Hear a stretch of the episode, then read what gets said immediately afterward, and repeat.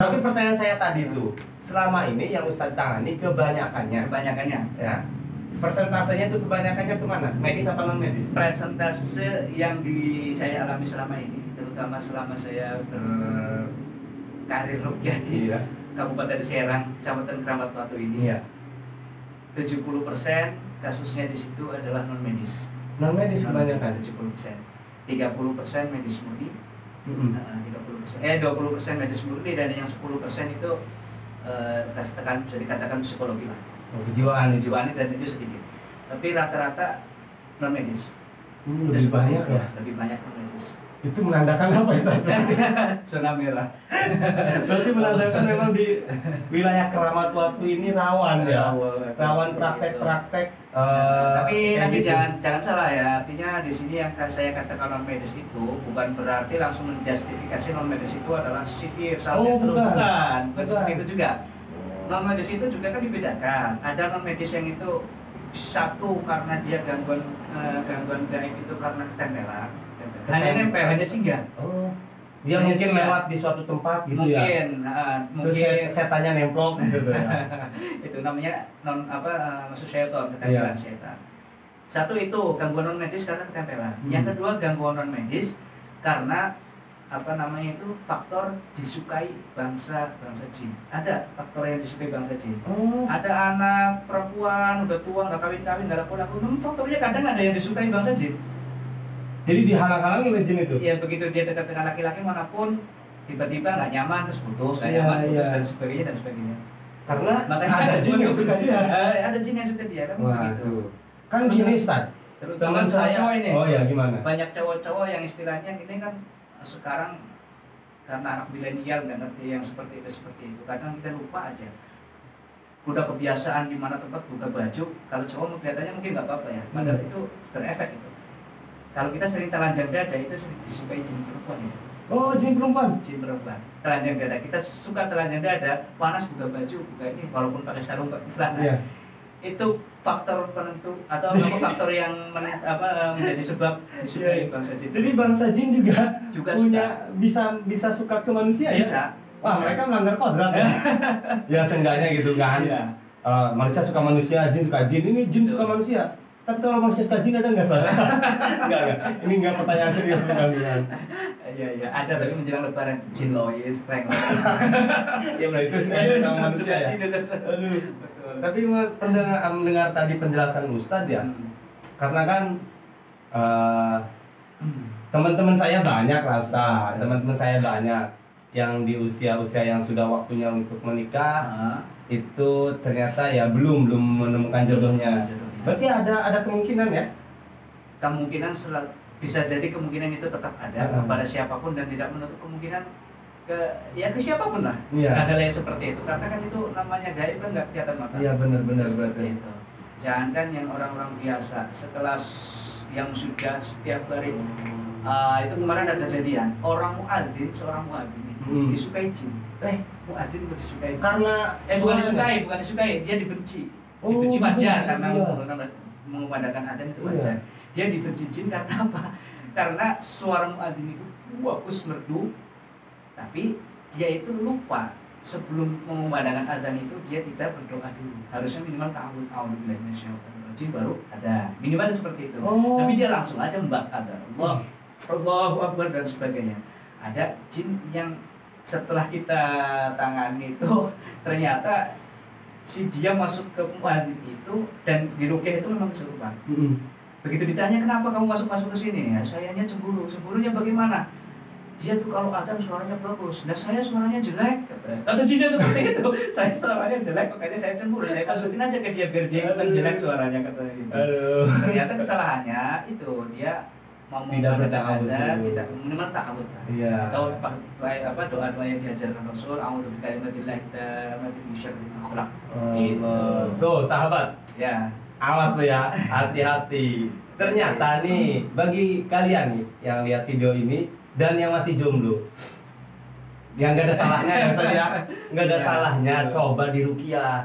Mungkin karena saking gantengnya kamu, karena saking cakepnya kamu, akhirnya disukai jin. Ya. Kayak gitu kan? Betul, ya. Masya Allah. Terus nih, kalau nangani jin, Nah, yang mau saya nangani jin lagi nangani manusia manusia yang yang kena jin gitu ya Ah. yang kemasukan jin Betul. itu jinnya diapain Ustaz?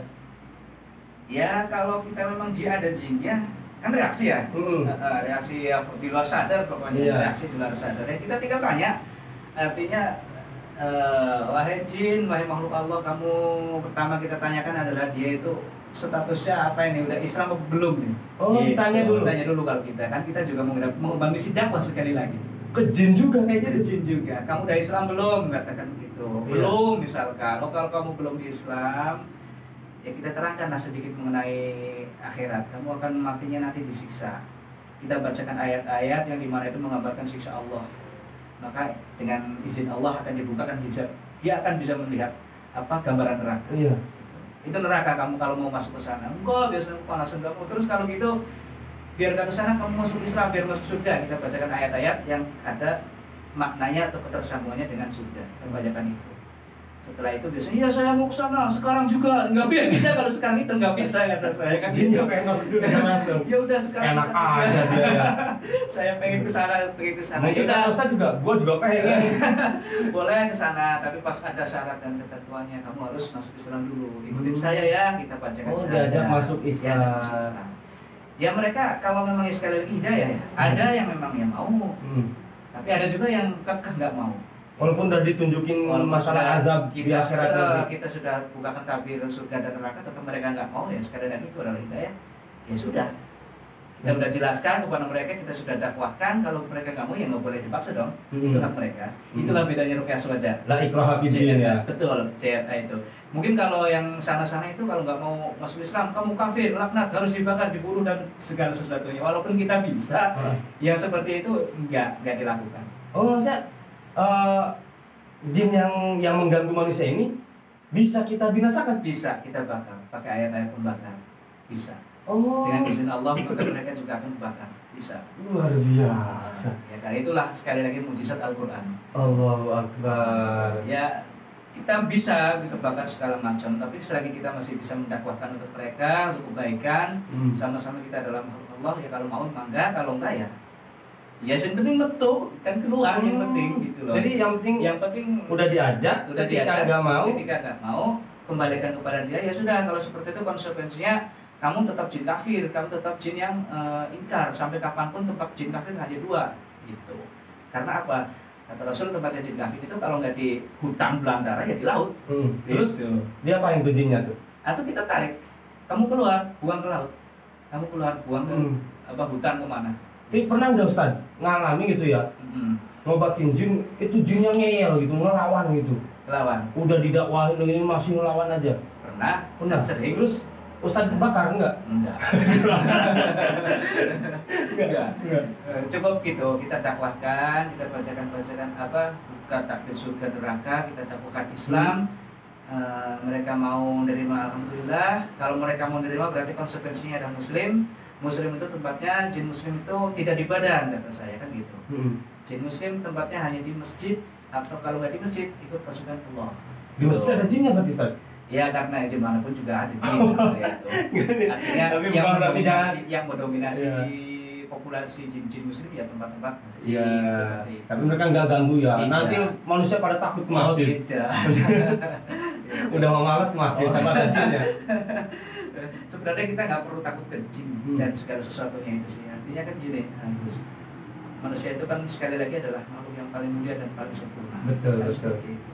Kalau kita meyakini jin dan lain sebagainya dimensi alam lain yang di bawah kita adalah menakutkan, menyeramkan dan bisa membuat motor kepada kita secara tidak langsung keimanan kita itu terganggu kan seperti Iya, betul, betul. Eh, secara tidak saya nggak saya tidak mengatakan apa namanya itu musyrik dan sebagainya keimanan kita terganggu gitu. karena apa ya sekali lagi jin dan segala sesuatunya itu tipu daya setan adalah lemah Hmm. nah gitu yang segala sesuatunya itu adalah lemah Gitu. maka yang kuat itu adalah manusia dan pertolongan Allah udah yang penting kita pasrah tawakal dan sabar perbaiki sholat istighfar udah itu aja itu adalah benteng yang paling luar biasa itu Bisa diulang Ustaz, nah, supaya nanti sahabat-sahabat yang melihat, yang menonton video Ya. ini juga bisa mempraktekannya. yang pertama Yang menjadi benteng tadi itu. betul, Apa? untuk membentengi kita daripada gangguan-gangguan gaib itu yang akan Ya. lah kata kita. Yang pertama itu adalah kita sabar.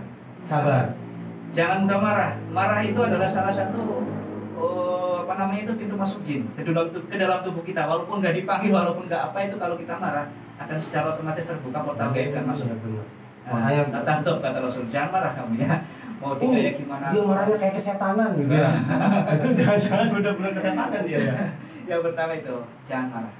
Karena marah adalah dari syaitan. Kata Hmm. Rasul seperti itu. Yang pertama jangan marah atau sabar. Kemudian yang kedua eh, apa namanya kita eh, tawakal menyerahkan segala sesuatu- sesuatunya itu kepada Allah sehingga kita tidak takut kepada siapa pun. Hmm. Kalau kita sudah menyerahkan sesuatunya kepada Allah, kita tidak takut kepada siapa pun.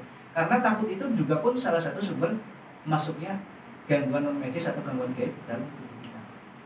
Kita Ya. orangnya penakut mau jalan ke sana, "Hmm, katanya di sana itu ada A, ada B, ada setan dan segala sesuatunya padahal ya belum tentu juga. Ya.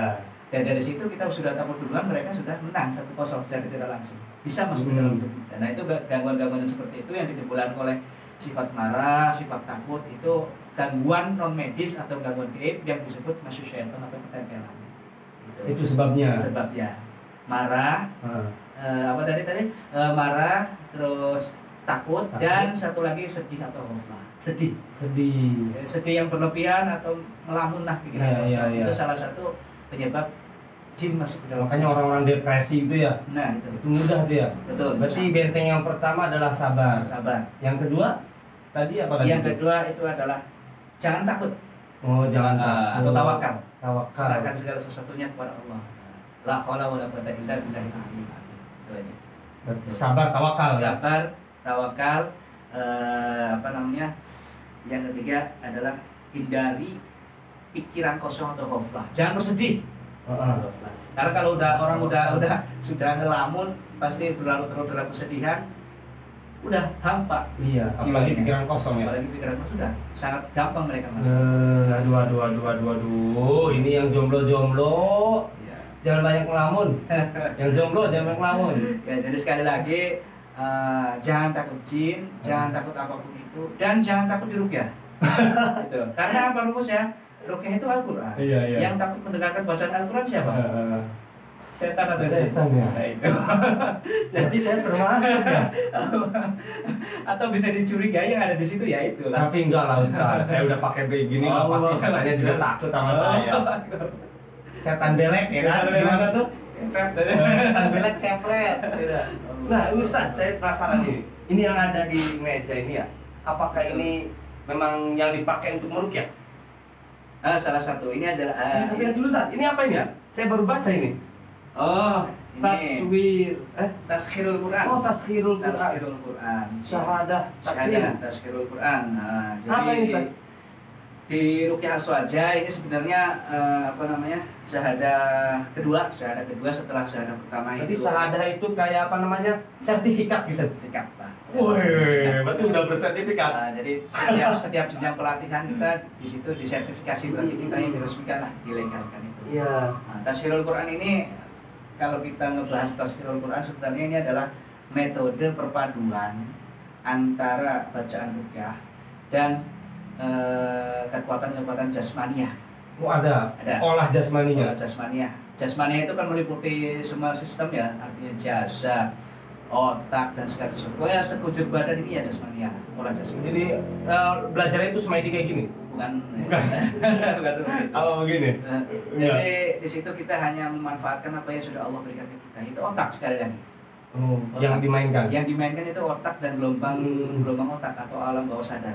Di situ kita kombin- kombinasikan dengan bacaan-bacaan rukyah, bacaan-bacaan ayat-ayat Quran. Kita serang dan kita sasar langsung kepada alam bawah sadar. Atau bahasa kerennya itu sekarang apa ya? Hipno hipnoterapi ya. Hipnoterapi. ya. Iya, iya, iya, iya. Kita pakai Hmm. apa apa apa- pembahasan itu taskhirul Quran.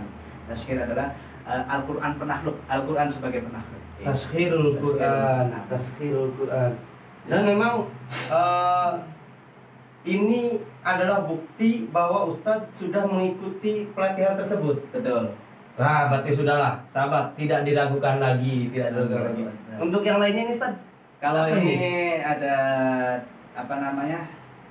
Apa ini? Bisa diangkat? Diangkat boleh? Iya, boleh, Mangga. silakan. Nah, itu adalah serbuk bidara.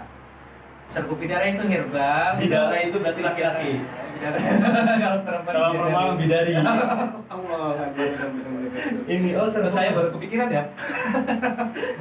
Oh ini ini. Nah, itu ya. serbuk bidara itu da- dari daun bidara dibikin serbuk itu untuk media rukyah. Media rukyah salah satunya kita ada yang media pakai air asma, Hmm. air asmaan, airnya dicampur daun bidara, kemudian kita bacakan ayat-ayat sifat, Hmm. ayat-ayat apa namanya itu, eh, ayat-ayat tentang siksa dan segala Ah. sesuatunya itu. Ayat Jadi ini nih dipakai ketika si pasien susah untuk diobatin. Eh, Apa- tergantung metodenya. Kita merukyah sesuatu itu kan kita kalau di JR itu ada banyak metode. Oh. Salah satunya metode air asma. Oh kalau iya, metode iya. air asma kita pakai itu. Kita Saya kira ini ber- bertahap gitu. Kalau Ah. dibaca-baca masih susah, Heeh. baru pakai ini gitu. bisa juga bisa juga dalam artian gini setelah kita terapi dengan rukyah standar misalkan Hmm. dia bereaksi Iya. bahwasanya ada gangguan non medis dan segala sesuatunya untuk me- mendampingi pasca rukyah Hmm. kita pakai itu ibaratnya itu daun bidara kalau di alam jin itu racun bagi mereka Ini nih. itu racun bagi Tapi mereka. kita yang minum tidak apa oh racun bagi jauh bagi jin. kita kesehatan Ya, ya, ya, ya. Gitu. Tapi kalau di dalam saya ada jinnya, berarti tinggal minum ini dia akan keracunan ya? dia akan keracunan dan dia akan keluar insya Allah Iya. akan keluar dan keluarnya itu tidak tidak melulu harus kesurupan Hmm. Kalau di JRE itu istilahnya kan seperti ini.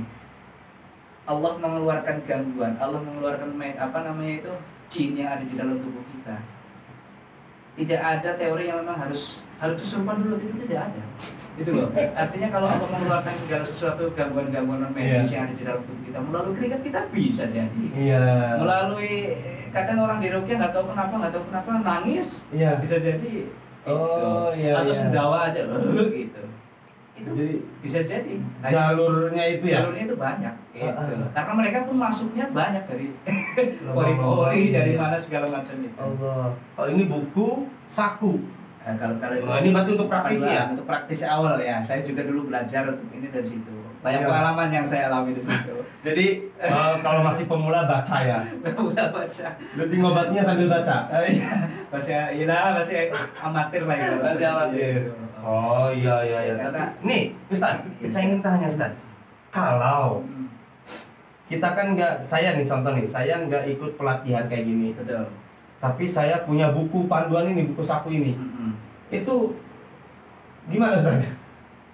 Kalau secara organisasi tidak ikut pelatihan punya buku ya tidak mungkin karena buku itu hanya dikeluarkan oleh orang-orang yang ada di organisasi tersebut Oh, ini nggak ada dan tidak tempat. dijual bebas Iya iya iya iya. itu Ah, tidak diju, tidak diperjualbelikan bebas dan ada pun misalkan ada orang tidak ikut ijazahan katakan Hmm, ya hmm. tidak ikut pelatihan tiba-tiba entah dari mana dapat buku ini mungkin warisan dan tak apa Nemu terus atau gimana? nemu atau gimana terus dia pelajarin dia baca ya silakan tapi artinya konsekuensinya jika terjadi sesuatu yang di mana dia tidak tahu dan berefek negatif bagi orang yang Iya, di benar. rupiahnya ya kita tidak bertanggung jawab secara moral dan ataupun secara organisasi itu seperti Iya itu. iya, karena memang dia tidak tidak mengikuti panduan dan segala sesuatunya itu Intinya jangan sembarangan ya. Iya, jangan sembarangan Iya benar-benar.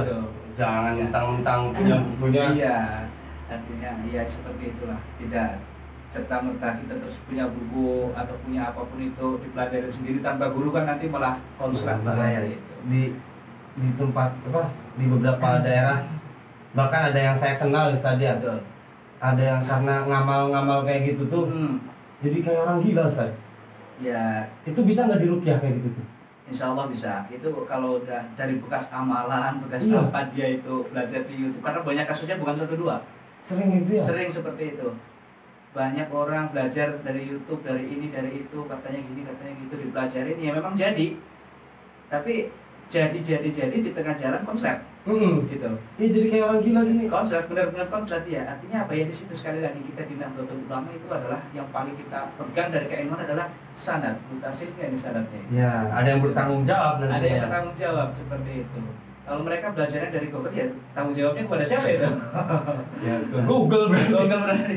Kalau di kita kan jelas. Nah, ini gurunya ini gurunya ini. Dari situ kita juga ada semua silsilah apa eh, ilmu ini dari guru besar Gus Alam Alam Al- Gus Amak Gus Amak berguru pada si A, si B sampai ke ulama Banten pun di situ ada. Hmm. Salah satunya si Abdul Latif juga Oh itu. termasuk salah satu eh, guru besar. Artinya apa? Eh, Sangat keilmuannya. keilmuan Gus Amak TLA. ini. Nah, Oh dari Banten Banten dari juga ya. Banten juga. Wah satu kebanggaan memang. Bangga ini orang Banten ini. Masuk. Tapi banyak orang Banten yang Hmm. takut di ya. termasuk saya soalnya, termasuk saya. Wah, ya mudah-mudahan setelah ini tidak ada lagi yang takut dengan rukyah. Iya. Nah, makanya eh, ini nih pesan dan tren adalah salah satu media untuk mendak bentuk dakwah lah. Betul, betul, betul. Iya. Karena di pesan dan tren banyak hal yang kita bahas. Betul. Ini pun hal yang penting makanya kami sangat berterima kasih ke Ustadz hadir di sini memberikan penjelasan tentang rukiah ya dari kami terutama saya pribadi banyak ilmu mudah-mudahan sahabat yang menon yang menyaksikan acara ini pun mendapatkan pencerahan tadi Amin. tapi biasa Ustaz tolong kasih inilah itu? kasih ya pesan-pesan lah buat sahabat yang eh, menyaksikan Oh, pesan-pesan. Heeh. Baik. Jadi supaya mereka lebih menjaga dirinya tuh gimana gitu Ustaz ya apalah oh gitu. Heeh. Iya. Jadi pada pada intinya sekarang kita kembalikan segala sesuatunya kepada realnya. Artinya apa? Artinya realnya itu kita sebagai orang Islam haluannya tetap adalah Al-Qur'an. Al-Quran ketika kita sehat, ketika kita sedang sakit, atau ketika kita sudah tidak ada di bumi ini lagi, Hmm. tetap kita kembalinya adalah aturan-aturan Al-Quran. Itu yang pertama. Kemudian ketika kita sakit, sebelum kita ke medis dan segala segala, segala sesuatunya ikhtiar itu kan boleh ke mana saja. Betul. sebelum kita ke medis, sebelum kita ke tabib dan sebagainya dan sebagainya, kita kembalikan dulu lah kepada apa yang diajarkan oleh Rasul. Rukyah ini adalah salah satu sunnah yang diajarkan Rasul. Hmm. Ketika kamu sakit, berobatlah dulu dengan Al-Quran. Walaupun Fatihah tok bisanya misalnya Mm-mm. gitu. Ya Allah, saya sakit kepala, barokah Al-Quran atau barokah Al-Fatihah, mudah-mudahan kau sembuhkan Al-Fatihah. Selesai bacakan dengan itu tidak apa-apa. Itu udah masuk salah satu rukyah. Yang penting kita niatkan bacaan itu untuk kesembuhan. Itu namanya rukyah. Itu satu. Kok belum sembuh? Silakanlah ke dokter. Silakanlah ke uh, alternatif yang lain. Iya, betul. Tapi jangan sampai udah ke sana, udah ke sini, udah ke sana, udah ke sini. Saya udah berobat ke mana-mana, saya nggak sembuh-sembuh. Udah berobat udah sampai mana nggak sembuh-sembuh. Iya. Akhirnya terus dia bilang, udah coba ke alternatif. Alternatifnya apa? Rukyah. Rukyah Waduh, kok alternatif? iya Al eh, Arab Rukyah ini kita pakai Iya. Al-Quran. Terus luruskan tuh ya Harus diluruskan itu. Bahwasanya Rukyah itu bukan pengobatan alternatif. Hmm, Karena malah kita media pengobatan yang utama. Yang utama dan pertama bagi makhluk yang sakit. Hmm. Gitu. jadi bisa dilakukan sendiri ya Bisa. Nah, jadi bisa dilakukan sendiri yang minimal itu. Istilahnya kita sakit kepala, Fatihah lah. Falak binas, Fatihah. Udah itu aja dulu. Hmm, hmm. Nggak usah terlalu banyak-banyak ayat Fatihah, eh, falak binas sama ayat kursi. Udah. Kalau masih belum sembuh, diulangi lagi. Masih belum sembuh, diulangi lagi. Mungkin Allah belum kasih kesembuhan waktu hari itu, Hmm. atau mungkin hati kita belum nyambung, Iya. diulangi lagi. Karena eh, penunjang utama di rukyah ini adalah keikhlasan, ketersambungan hati kita dan apa namanya sekali lagi kepasrahan kita. Nah, itu seperti itu. Yang kemudian yang kedua bagi sahabat-sahabat yang menyaksikan ini jangan takut dengan rukyah. jangan takut tuh jangan kayak saya takut rukyah Karena sekali lagi yang yang takut rukyah berarti takut mendengarkan ayat-ayat Allah. Allah Yang takut mendengarkan ayat-ayat Allah tidak lain dan tidak bukan adalah musuh-musuh yang nyata bagi manusia. ini gimana nih hostnya yang hostnya yang disindir-sindir Jadi nanti mungkin di pesan dan tren kapan kita kalau bisa live ya nanti Mm-mm. kita pengen mengadakan rukyah online. Oh, insya Allah bisa. Bisa, ya? Tapi untuk sementara ini saya mohon ke eh, ke Ustadz Mm-mm. karena kemungkinan Mm-mm. bukan kemungkinan pastilah di luar sana banyak yang memang membutuhkan Betul. untuk Oh, rukyah ini. Jadi kami memohon izin akan mencantumkan nomor Ustadz.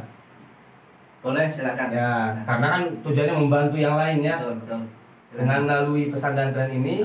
Uh, nomor Ustadz akan kami cantumkan jadi untuk sahabat-sahabat yang memang mengalami ya apalah gangguan-gangguan memang ada kendala-kendala dan ingin dirukyah nanti silakan hubungi Ustadz Misbah Al Ansori ini akan kami sertakan nanti nomornya Dan kita pun di pengurus kecamatan PAC JRA ini Hmm. ada program rukyah masal Gus. Oh, Nah, iya iya. Ada program rukyah masal dan kita itu beberapa bulan nanti kita adakan rukyah masal dan bergilir. Kemarin kita sudah lakukan itu di Lebakwana. Hmm. Nah, mungkin nanti periode selanjutnya kita akan garap atau akan kita akan me- apa namanya menyambangi daerah Kamasan Insya Allah nanti. Oh, dalam waktu dekat ini? Insya Allah atau kalau kalau tidak ya nanti ke mana lah kita bicarakan dulu sesama pengurus. Hmm. Karena itu memang program kerja kita adalah rukyah masal. Nah, yang masal kita apa namanya itu mendakwakan Al-Quran sebagai obat, mendakwakan bahwasanya Al-Quran adalah syifa. Hmm. Kita rukyah masal, yang sakit ayo berobat tanpa dipungut biaya apa pun. Masya Silahkan Allah. datang, silahkan mengikuti rukyah Ah. eh, tanpa biaya dan tanpa apa namanya itu embel-embel harus A harus B dan harus dan segala sesuatu. Nggak Yang ada penting syarat ya. Tidak ada syarat yang Bawa apa namanya ayam gitu apa namanya ayam cemani. Enggak enggak enggak ada enggak ada. Yang penting niatkan dalam hati saya pengen sembuh udah gitu aja. Allah ya. Yang sakit saya niat sembuh, saya pengen berobat dengan Al-Quran, saya pengen sembuh. Bagi yang sehat, saya pengen rukyah supaya mendapatkan rahmat dari Gitu. Al-Quran tersebut. Baik sekali lagi untuk Jamiah Rukyah Aswaja ini tidak dipatok tarif. Jadi sahabat-sahabat jangan takut mikirin dana, tidak dipatok tarif saja. Betul. Ikhlasillahi taala dan kalaupun ingin eh, apa namanya? mengucapkan sebagai bentuk terima kasih yaitu tidak ada tarifnya. Betul kan Ustaz? Betul. Masya Allah, ini luar biasa nih. Tolong nanti kalau memang mau mengadakan acara rukyah masal, informasikan ke kami Insya Allah. sehingga jauh-jauh hari sebelum acara tersebut kami bisa membantu share Insya Allah. di Instagram dan di media yang lainnya. Insya Allah. Ya, terima kasih Ustadz atas waktunya. Iya siap. Eh, mungkin tadi sudah ditutup dengan pesan-pesan yang Ustadz sampaikan. Biasanya karena ini Ustadz saya lebih harus lebih sopan. Oh, Biasanya saya tuh serengean gitu Ya, ya. Nah, ini lebih. Kasih Ustadz. Iya. Saya juga mengaturkan atas nama pengurus PAC Kramat Kaltu. Terima kasih sudah diundang di acara yang paling keren. Pesan dan tren. pesan dan tren acaranya keren. Ini bagus tuh. Nanti akan kami jadikan kata-kata Ya Allah. dapat kata-kata tambah dari Ustaz. Pesan dan tren acaranya keren. Oh, gitu. Baik, ya, sahabat-sahabat, sekian tadi perbincangan kita dengan uh, Ustadz uh, Misbah Al Ansori, praktisi dari Jamiah Rukyah Aswaja. Dari kami Sebelum ditutup, Apa? Oh, sebelum iya. ditutup, Silakan, biar lebih berkah acara Iya. ini. Bagaimana kita sholawatan dulu? Oh, siap. Kita. Jadi sekalian, Iya. sebagai penutupnya akan ditutup dengan solawatan apa namanya Ustaz? Kalau di Jamiah Rukyah Aswaja kita punya sholawat khas namanya adalah sholawat Al-Mahdi. Solawat Al-Mahdi yang akan dipimpin langsung oleh Ustadz uh, Misbah Al Ansori. Silakan Ustadz dan ini akan menjadi penutup. Baik, Alhamdulillah sahabat-sahabat Mudah-mudahan acara kita diberkahi oleh Allah pada malam hari ini Marilah kita eh, berselawat pada Rasulullah Muhammad Sallallahu alaihi Wasallam. Mudah-mudahan mahabbah kita kepada Rasul Kita dihabis sebagai umatnya Dan mendapatkan sifatnya di qiyamah. Amin. Baik, kita selawatan bareng ya Iya, Eh, tapi suara saya nggak bagus, Pak. Oh gitu Sama-sama ya Suara saya nggak bagus. Kita sudah di- diberi suara itu dibat yang luar biasa Iya, Allahu Akbar. kita selawatan, selawat al-mahdi khas jamnya jangan saja. Ya. اللهم صل وسلم على نبينا محمد عليه السلام. صلاة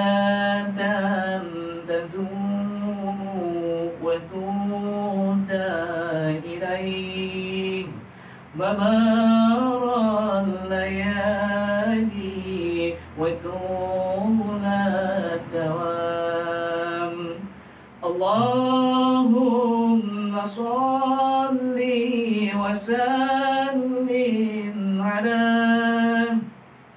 نبينا محمد عليه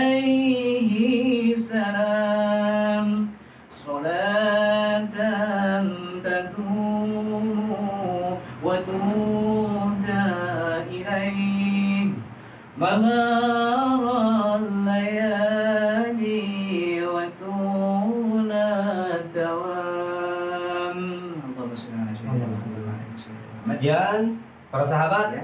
Kita undur diri. Assalamualaikum warahmatullahi wabarakatuh.